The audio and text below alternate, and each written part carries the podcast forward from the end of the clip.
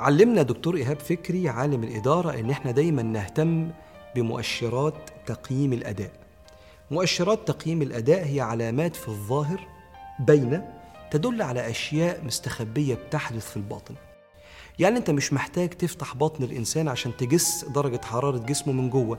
هو ترمومتر بس من بره بتعرف منه درجة حرارة الجسم اللي جوه. عدادات العربية اللي قدامك فيها أرقام ومعلومات بتبين اللي بيحصل جوه الموتور مش محتاج تفك. أنت شايف مؤشرات تقييم الأداء من بره. من هذه المؤشرات إن التفاتك لتفاهات الحياة وتضييع طاقتك ووقتك فيها هي مؤشر. على عدم استخدامك لطاقتك دي في رسالتك الأساسية ومهمتك الكبيرة في الحياة. أضرب لك مثال. واحد بيحب الكورة ومش بيفوت ماتش. بكرة عنده امتحان آخر السنة وهو لسه ما خلصش. والنهاردة في ماتش مهم.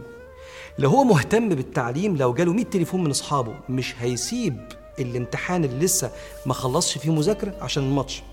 ولو ساب المذاكرة وهو لسه ما خلصش عشان يتفرج على الماتش يبقى ده مؤشر إن التعليم مش قضيته.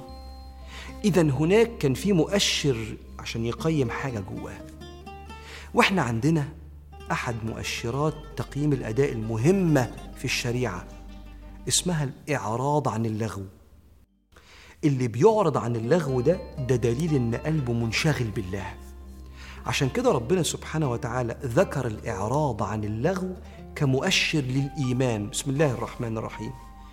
قد أفلح المؤمنون. واحد الذين هم في صلاتهم خاشعون. اتنين على طول كده.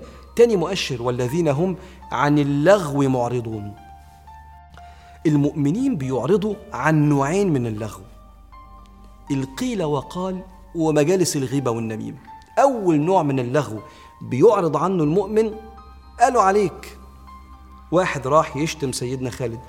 فسيدنا خالد قال له إنما هي صحيفتك. فاكتب فيها ما شئت. وهو ميزانك فضع فيه ما شئت. اتكلم براحتك. ده حاجة تخصك أنت وربنا سبحانه وتعالى. وشوف ربك يقول لسيدنا رسول الله فاصبر على ما يقولون واهجرهم هجرا جميلا. من الهجر الجميل إنك ما توجعش قلبك باللي بيتقال عليك. وتوقن أن النافع والضار هو الله ما دام أنت ماشي صح. وما ضايقتش حد ولا غلطت في حد. التوقف للرد على كل غلطة والانتصار والتشفي من كل منتقص دي من أكبر القواطع عن الله. الراجل بيقول لسيدنا أبو بكر لأسبنك سبا يعيش معك حتى يدخل معك قبرك. فقال بل يدخل أنت معك قبرك. أنت هتقول لي هتقول شتايم عليا في ظهري تفضل عايشة معايا كسمعة؟ أنا ربنا هيحميني. أنت اللي هيتكتب في ميزان سيئاتك وهيخش معاك القبر قال صلى الله عليه وسلم يتبع الميت ثلاثة أهله وماله وعمله فينصرف عنه اثنان. أهله وماله ويبقى عمله. فشوف إزاي كانوا بيعرضوا عن قيل وقال وإذا خاطبهم الجاهلون قالوا سلاما الشيخ الشعراوي يقول لك سلام المفارقة يعني أنا مش هلتفت لكل واحد بيقول عليا كلمة وأنا ما ضايقتش حد وماشي صح. فأول حاجة الإعراض عن قيل وقال قالوا عنك. النوع الثاني من الإعراض إن الإنسان يعرض عن مجالس الغيبة والنميمة وكشف الأسرار والفضايح لأن دي بتملى قلبه بمشاعر سلبية. بسم الله الرحمن الرحيم. فأعرض عمن تولى عن ذكرنا ولم يرد إلا الحياة الدنيا. مجالس الغيبة والنميمة وكشف الأسرار والفضايح دي مجالس ما فيهاش ذكر لله. فأعرض عمن تولى عن ذكرنا ولم يرد إلا الحياة الدنيا. ربنا قال لنا كده.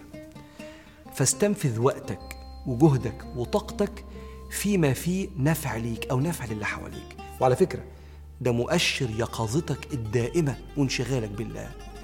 أما مؤشر الغفلة هو الانشغال بالتفاهات وعدم الإعراض عن اللغو من القيل والقال واللغو من مجالس الغيبة والنميمة وإفشاء الأسرار. فاللهم أقبل بقلوبنا عليك وأعن أرواحنا على الوصول إليك.